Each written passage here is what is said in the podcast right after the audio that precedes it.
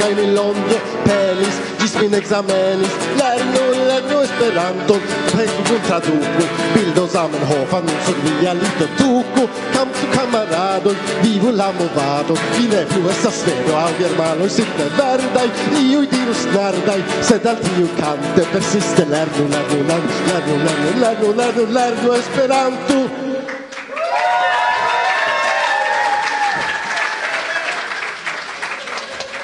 Saluton mondo. Mi estas Tonio el Lopogo kaj mi deziras al ĉiuj ŝatantoj de Varsovia Vento feliĉan novan jaron. Ah, la un microfono de Varsovia Vento. Michael Boris Mandirola, saluton! Mi vidis che la programo estis via i programmeroi, cae non eble ni interparolo pri tiu lasta, pri kio temis? Fakte temas pri serio de kvar atelieroi pri la lingvo politikaj pozicioj de Tejo. Do, Tejo, la tutmonda esperantista junulara organizo, evidente subtenas Esperanton, sed kio ni povas opinii kaj subteni estas iom pli vaste ol simple diri Esperanto estas bona afero kai dum plura iaroi uh, eh, estis calcai discutoi pri rilato inter homai raitoi kai lingvai raitoi, pri lingvoi kai democratio, kai sur base interalie o de seminarioi subtenitai de Consiglio d'europa kai de interrae discutoi inter plurae movadanoi, teio elaboris documenton je pliol dudec pagioi, kion ni kiel asocio, perché kion ni kiel movado opinias pri lingvae raitoi kai homai raitoi, pri la problemoi en internazia comunicado pri Esperanto kiel taŭga internazia lingvo, pri lingvaj malplimultoj, pri lingva diversezzo kaj pri Esperanto kiel komunuma lingvo. Kial tio al gravas? Do, se ni rigardas la celaron de Tejo, unu vice estas disvastigi Esperanton. Kaj, se ni volas proponi Esperanton kiel bona solvo Ni ankaŭ devas clarigi kio estas la problemo al kiu ni proponas solvon. Kaj same en la celaro de teio estas pli faciligi la ciu spezza in materia in kai spirita in rilato in inter la homoi kai la homo ja rilatas lingve kai teio ja volas eh, uh, liveradi forto al alla Esperanto movado, cae multai homoi, qui estas sentemai pri lingvai temoi, pri lingvai malplimultoi, giuste alvenas al Esperanto por trovi homoin kun simila sentemo pri tiai temoi. Ni volas, kai same tio estas cele la statuto de teio, contribui alla construado de socio, kiu estu pli internazia, pli inclusiva, pli right respecta. Chi eserci informo in pritio? Do, giuste tiu documento che uni elaboris trovigas en la reteio de teio, iom cascite, honeste, kai che uni volas fari, kai giuste tio estas la celo de tiai atelieroi, estas transformi tiun enhavon, kiu nun estas en dudekpaĝa dokumento en lingvo foje, ni dirus, ne plej facila, en iu formo kiu oni povas multe pli facile legi, multe pli facile aŭskulti, kaj doni cerbumis kiel oni povas disvastigi la ideojn kiu estas en tiu dokumento en maniero chiu pli rilata sanco con nia nun tempa moderna mondo. Doni imagis eh, pri filmeto filmetoi, pri podcastoi, pri pagio in rete reteioi, pri memeo memeoi, kai giuste o estis eh, du laborgrupoi, unu labor grupo occupigis pri et tiel nomatai i demandoi, kiuin oni neeviteble starigas al ni, kai pri kiui indas havi pretan respondon, preta respondon per nie representanto ce l'extera mondo, sed anco io anche non i povu trovi in la reteio de teio, se oni volas si che un pensa steio, cae alia labor gruppo, chiu male occupigis pri memeoi, kiu estas uh, formo uh, nun uh, tre populara, kiu postulas uh, multe da sinteso, sed kiu effektive estas tre efica por la junularo. Do cascita documento ne signifas che cascita anto Varsovia vento. Rigardo la prescrivon clacula ligilon che la documenton vividos Kion vi supposas, kio casos post eh, fino de la laboroi? Do, mi esperas che la fino della laboro ne estos la fino della ateliero, Do mi havas laborgrupon de homoj kiu juste volas eh, labori pri la komunikado de niaj lingvopolitikaj pozicioj. La celo estas ke la dokumentoj kiujn eh, ni elaboris eh, hodiaŭ kaj plu ellaboros morgaŭ aperos ĉu en la retejo de Tejo, la oftaj demandoj, ĉu eble en la sociaj retejoj kiel la memeoj, juste por uh, transdoni kaj disvastigi tiujn ideojn kaj che poste oni giuste pli laboru por eh, pensi taugan socireteian en havon. Do io che non povas meti en Instagramo en Facebooko por disvastigi. Povus esti consiloi povus esti inform graficajoi kun iui i iui diagramoi povus esti citajoi uh, eh, povus esti tre mallonga i filmetoi. Do estas diverse spezzo da in havo kai la mi indas che ni provu usi malsama in canalo in char kelke homo pli emas uh, ausculti podcaston dum uh, ili quiras alia emas rigardi videeto in dum uh, ili traumas socienrete nella telefono alia homo emas uh, legi articolo in kai ni volas atingi junularon kiu esas diversa kai kiu havas malsama in prefero il por akiri informoin nova in novajn aferojn. Kion ancora oni povas aldoni al tiu ĉi temo? Ma mi povas inviti la auscultanto in cui desiras partopreni tiun eh, strebon. Unue se vi estas legema homo klaki sur la ligilo un verso via vento provisos kai legi tiun documenton kai due vi anco povas contacti nin ĉu min men persone chu la officisto en detejo pri extere rilato e che estas David Ruiz kai proponi vian helpon kai vian kunlaboron. Se vi shatas eh, prepari materialon por socie reteioi se vi interesigas pri lingvo politico teio certe bonvenigos eh, vian helpon. Nur por gejunuloi la invito au por ciu esperantistoi qui pretas fakte helpi al la nobla ideo. Do Ciui geiunuloi raitas partopreni la laboroin de la commissionoi de teio, Fakte, ciui individuei membroi de teio raitas tion fari, sed anca homoi qui ne estas individuei membroi de teio, sen depende de la agio, kai qui volas contribui, interconsente cun la estrarano, pri extra rilatoi, au cun uh, comisito, povas ja partopreni tian laboron. Simple por individuei membroi de teio tio estas uh, automata, raito ni diru, kai por alie homoi necessas, kai a in casa Einkase tamen tio konsilindas, interkonsenti tion kun uh, eh, estrarano de tejo. Koran dankon. Dankon al vi.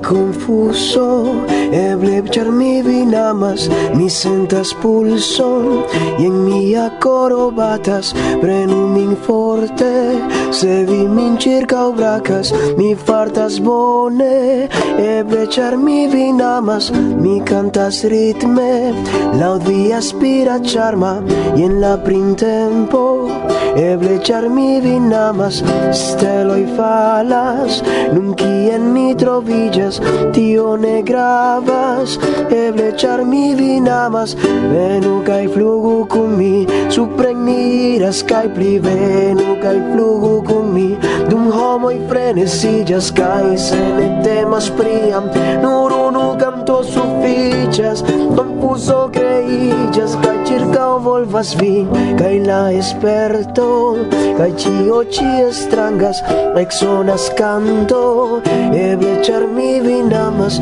Mi sentas kiel La mondo volas fali Se el mondo falas Estas char mi vin amas Premu min forte Kaj estu pli proxime Subite te belas la mondo kiel neniam en mon freneza ĉu ĉiuj enamiĝas se estas tiel ni vivo en mondo tia veno kaj flugu kun mi supren ni iras kaj pli plenu kaj flugu kun mi. Homoj frene kaj sen nur unu canto sufiĉas konfuzo kreiĝas kaj chica volvas mi. Venu kaj flugu kun mi supren ni iras kaj pli venu kaj flugu kun enestillas kai se ne temas priam nur unu canto sufiĉas confuso creillas kai circa volvas vi! Uh! Do felicia nova jaro en al ĉiuj. Saluton, mi estas Clemens el Germanio. Ami mi ege plaĉis tiu ĉi mi jam kontis la lokon, do estis iam interese revi pri la pasinta jes kotopo kaj do estis konektitaj bonaj memoroj kaj mi povis aldoni pliajn novajn Do mi deziras feliĉan novan jaron al ĉiuj esperantistoj en la mondo, speciale al amikoj, kiuj konas min kotopo. Do ein frohes neues Jahr äh, an äh, alle Menschen in der Welt. Saluton, mi estas Gabriel de Francio kaj mi estas progresento en Esperanto. Felician novan jaron. Bonan Saluto, mi estas Carsten, venas el Belgio. Estas uh, diversa programo de diversaj temoj, lokoj por probabili, rancontici kun amikoj. Feliĉan novan jaron al ĉiuj personoj en la mondo, kaj nun en mia eh, loĝlandlingvo. lingo. Glücklich new. Saluton, mi estas Victoria. Da estas mia unua jes, ne estis mia unua Esperanto renkontiĝo tamen. Kaj mi tre ŝatas la eventon eh, estas diversaj programeroj multaj interesaj homoj. Feliĉan novan jaron al ĉiuj. Saluton ciui, mi estas Petrico el Nederlando. Felicia novan jaron, gelukkig nieuwjaar! Saluton, mi estas Adamo el Silesio. Jo, jo, jo, mi estas Paweł el Silesio, kai mi cor salutas ciui amicoin. Eh, jes, uh, ni volas desiri la plei bonan, la plei felician novan jaron al vi ciui kai mi ankaŭ kiel prezidanto de eh, Pola Esperanto Junularo volus eh, kore inviti vin ĉiujn al Pola Litova evento junulara kiu okazos la unuan semajnfinon de majo do inter la dua kaj la kvina al Vilnius en Litovio kie okazos la evento organizota de la Pola kaj Litova Junularo. Tute jest. Kaj nome de la Pola Esperanto Junularo. Ni salutas vin ciuin kie ein vi loĝas. Felician novan jaron! Szczęśliwego nowego roku! Ja, gryfnego nowego roku, ja. Varsovia vento bla bla bla en la provizora studio kiu troviĝas nuntempe en trinkejo de la junulara Esperanto semajno kaj antaŭ mikrofono Lastos uh, eh, mi estas estrarano de BEMI la biciklista esperantista movado internacia. Ni startis en Belgio kun nia karavano kaj biciklis tra Germanujo. Ĝis ĉi tie estis en tute ses partoprenantoj, sed ne ĉiuj biciklis la tutan distancon. Estis du kiuj biciklis la tuton kaj ancora unu kiu biciklis preskaŭ la tuton kai krome tri homoi homoj, kiuj partoprenis dum du tagoi au unu tago. Do ni havis ne tre grandan karavanon, set tre belan. Tamen ĉifoje la vetero ne estis tute favora al ni, do mi ne povas aserti la caravano estis tute facila. Certe ne estis. Tio estis la granda avantaggio de la vetero, che ni havis la tutan tempon tre favoran dorsventon kiu sorges che ni estu tre rapidai do en ciu tago ni devis bicikli nur malmultajn kai kaj povis dediĉi nian restantan tempon al diversae aliae activajoi Kiom longe vi biciclis de Belgio? Kie vi startis? Ni startis post la tut belga Zamenhof festo Kiu okazas en Henk en Belgia Limburgo do tuto oriente de la lando. Kaj de tie ni unue biciklis nur tre mallonge al nia unua gastiganto. En la unuaj noktoj ni tranoktis en domoj kaj nur poste venis la fazo ke ni tendumis. Oj en vintro. Jes antaŭ kelkaj jaroj mi mem ne povus imagi ke mi ĝuis tion sed mia filino kiu ciam uh, eh, biciclo voyages kun ni en somero sed havis pli kaj pli fortan sunallergion iam postulis ke ni havu ankaŭ karavanojn en vintro kaj mi pensis interesa ideo. Eble ni bezonas alian ekipaĵon. Do ni nun havas la taŭgajn dormsakojn por tio kaj bonajn biciklovestaĵojn kaj kun tio tutte tute ne estas problemo kai etch mi kiu tre preferas someran veteron bone eltenas ankau en vintro. Do kiom longe vi biciklis?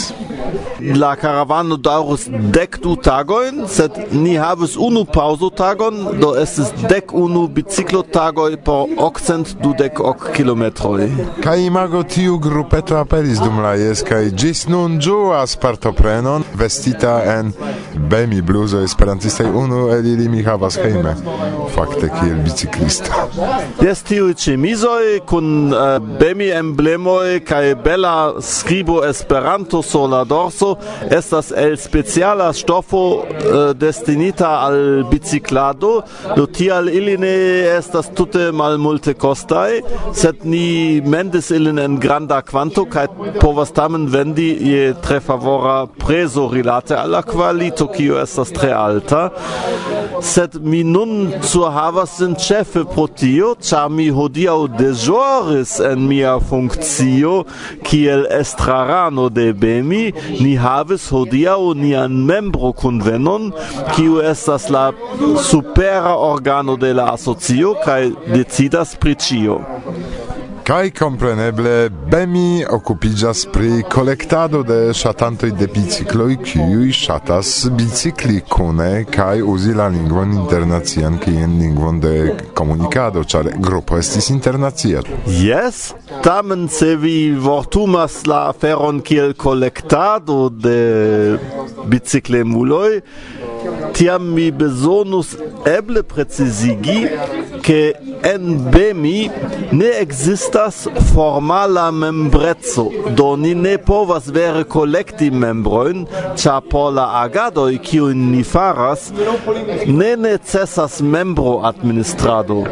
Ni simple diras, ke ciu homo kiu parolas Esperanton kaj ŝatas bicikli estas invitata konsideri sin membro de BEMI kaj ciu kiu kiu do consideras sin membro povas partopreni en la membro conveno kaj decidi pri ĉio kion ni faru.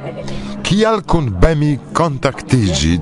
No, po tio oni siu, ke ni estas faka sekcio de Tejo, kaj tial ni havas retejon en la retspaco de Tejo mem. La adreso estas bemi.tejo.com www.radiomaria.org kaj sub tiu adreso estas ĉiuj gravaj informoj inter alie nia diversaj eblecoj kiel kontakti nin la retpoŝtadreso de la estraro kaj la diversaj informkanaloj per kiuj ni komunikas kun niaj membroj.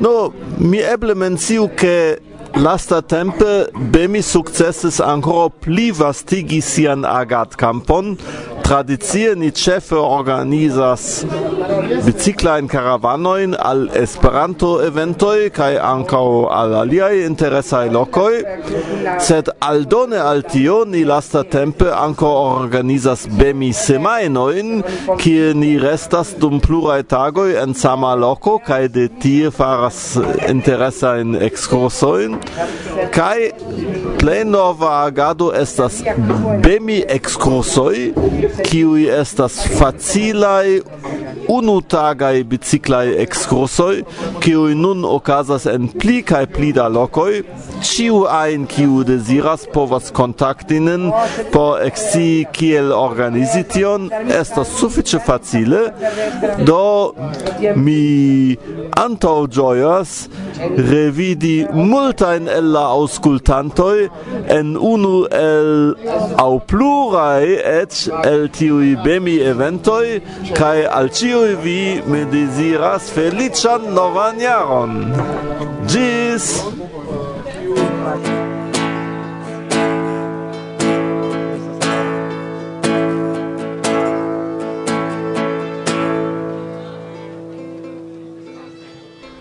Ai, jen cio, cion mi preparis, ne ciuin materialoin kiun mi registris mi usis, sed ancora mi revenos al la ies en la venantai programoi kai alla concerta musico compreneble ne eh, invonda zero in vi audis dume, carai Nome de nia tota redakcio, cion la play bonan en la nova jaro.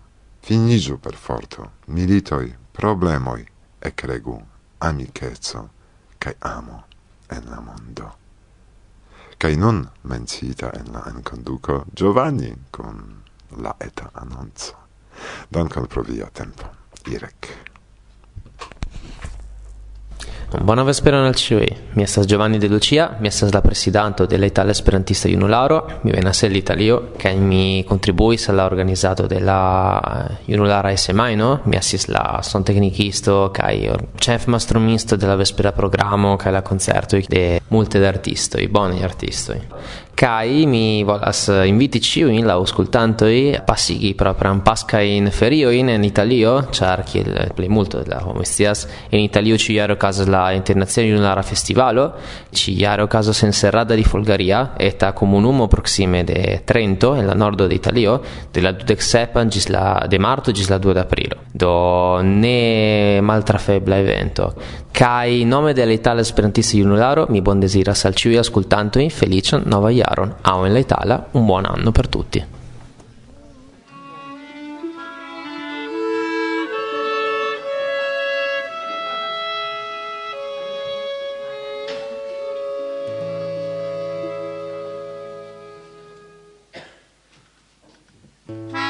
Finigis champagne Kai la pirotecnicas Restas vi, restas mi Ec perditai sentas ni, estingigas la festo, malallogas la maten, contrastanta feston ci, venis tempo, cantuni, jem nova jaro,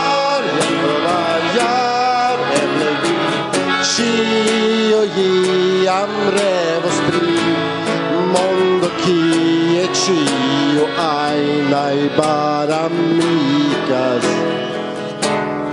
de nova ya de nova ya adovi cio ye mon al progress se ne garanti igas mal success dum yeah dunges Ŝajnas min nun kiel pasintaj revoj jam kiel konfet sur la planki min forlasis ĉiu kunman jes ja homoj stultulas notas kaj glorigas iom pli. Lao la sama melodi Ciu case Cantu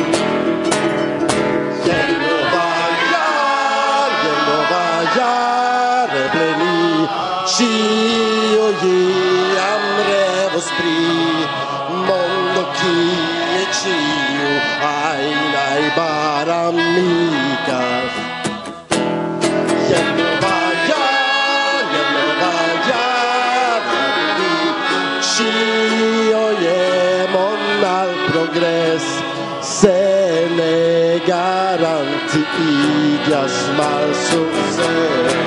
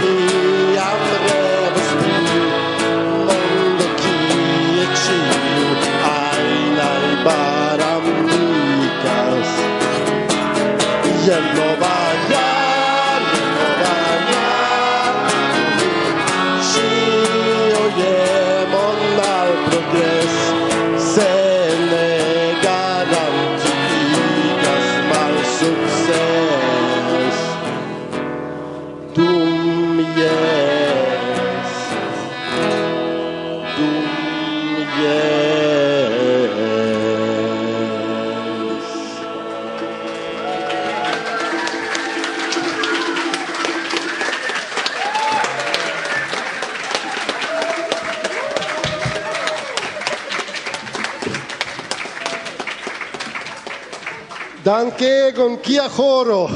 Wow! Kia instrumentalistoj! Wow! Dankon, mi pensas ke nia duonhoro jam pasis. Mi ses kun grandega ĝojo ni lasas la scenejon.